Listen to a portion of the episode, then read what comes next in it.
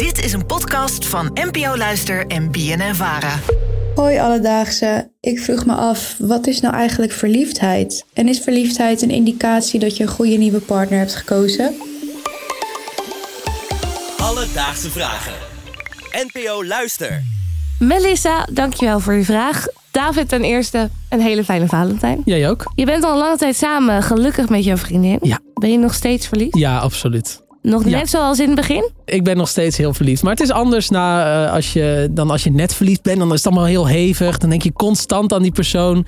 Nu denk ik ook heel vaak aan haar. Maar gelukkig maar is het ook iets minder intens dan misschien die allereerste weken. Maar wat is nou precies die verliefdheid die jij al die tijd hebt gevoeld en nog steeds voelt natuurlijk? Dat vroeg ik aan liefdeswetenschapper Tila Pronk. Nou, verliefdheid is een hele intense staat van zijn. Dus het, is, het neemt als het ware je hele geest en je lichaam over. Ehm, er gebeurt van alles met je gedachten, met je gevoelens, met je hormonen.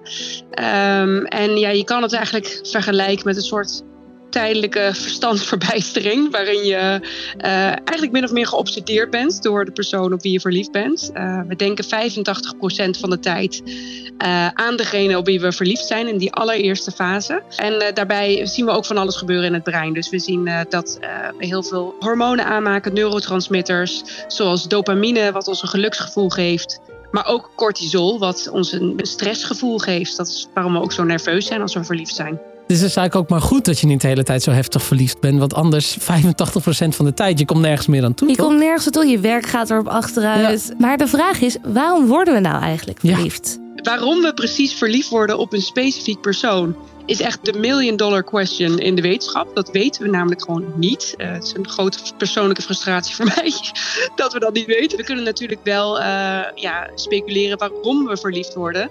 Eh, en dat is natuurlijk vooral eh, biologisch ingegeven. Het is voor de mens essentieel dat we verliefd eh, worden op elkaar. Want we zijn groepsdieren en we binden ons in paardjes. We zijn groepsdieren en we gaan in paardjes. Dus dan is eigenlijk de vraag ook logisch. Gebeurt dit ook bij dieren? Dat is iets moeilijker te onderzoeken. Maar diezelfde hormonen die wij aanmaken als we verliefd worden... die zie je ook terug bij bijvoorbeeld een hond, maar ook bij een geit. Dus je kan zeggen dat dieren eigenlijk wel verliefd kunnen worden. Wat leuk. En dan, David, de vraag ter vragen. Heb jij het idee dat liefde jou voor sommige dingen blind heeft gemaakt? Eh, ja, dat denk ik wel. Ja? Ik denk wel dat er bepaalde dingen zijn die je misschien bij andere mensen wel, wel vervelend of, of minder zou vinden. En als je dan verliefd bent op die persoon of van die persoon houdt, dat je het ook wel weer charmant vindt op een bepaalde manier. Zeker weten. Ik vroeg ook aan Tila, hoe kan het nou? Hoe kan het dat die verliefdheid, die liefde, ons blind maakt? Ja, liefde maakt in zekere zin wel blind. Of in ieder geval, het zorgt ervoor dat we door een roze bril gaan kijken naar de ander.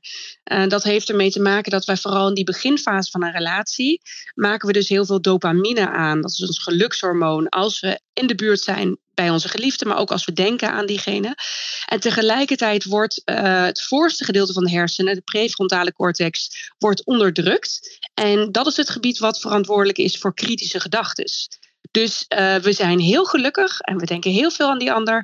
En we zijn niet zo kritisch. Dus we zijn eigenlijk, eh, ja, we onderdrukken onze piekergedachten. En eh, vormen eigenlijk daardoor ook een heel rooskleurig beeld van, van die ander. Dus in die zin ja, zie jij wel dingen in je geliefde. die andere mensen misschien objectief ge- gezien niet zouden waarnemen. Ik vind het heel grappig dat zodra je verliefd wordt, dat je vermogen tot kritisch nadenken wordt onderdrukt.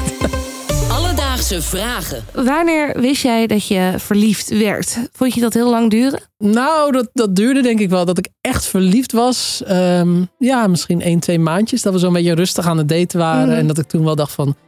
Ja, dit komt wel richting de 85% van de tijd dat ik aan haar denk. Ja. Had je gewild dat het sneller zou gaan? Nee, het was goed zoals het ging. Ja. Stel je wil wel dat het sneller gaat. Tila heeft daar onderzoek naar gedaan. Naar die vraag van wanneer word je nou het snelste verliefd op iemand? Als jij in een situatie bent met iemand die een beetje spannend is. Die, waardoor je een beetje zenuwachtig gevoel krijgt. Bijvoorbeeld samen een ritje in de achtbaan. Of je komt vast te zitten in een lift bijvoorbeeld. Dan is er een grotere kans dat je verliefd wordt op diegene. Groter dan als je iets eh, norma normale, saaie, suffe date hebt, zeg maar. Dat komt erdoor omdat als jij iets spannends meemaakt, eh, dan krijg je een beetje zenuwachtig gevoel in je lijf. Eh, en dat zenuwachtige gevoel, dat lijkt heel erg op het gevoel wat je ook hebt als je verliefd bent. Want dat voelt ook, dan heb je ook een beetje die spanning. En als je dat meemaakt met iemand anders, die een mogelijke partner zou kunnen zijn, dan kan het zijn dat jij die spanning die je in je buik voelt door de situatie, eigenlijk toeschrijft aan de aanwezigheid van die persoon. En dat je dan dus denkt: hé, hey, ik voel me een beetje zenuwachtig. Ik sta met deze persoon. Misschien ben ik wel verliefd geworden. Rosa, jij hebt geen relatie, maar wel zo nu en dan eens aan het daten. Wat ga jij doen deze Valentijn? Nou, ik denk dat ik even heel erg in een afbaatje ga Ja. zitten. Misschien wel de lift hier bij BNNVARA werken ook niet. Misschien ga ik daar gewoon in zitten.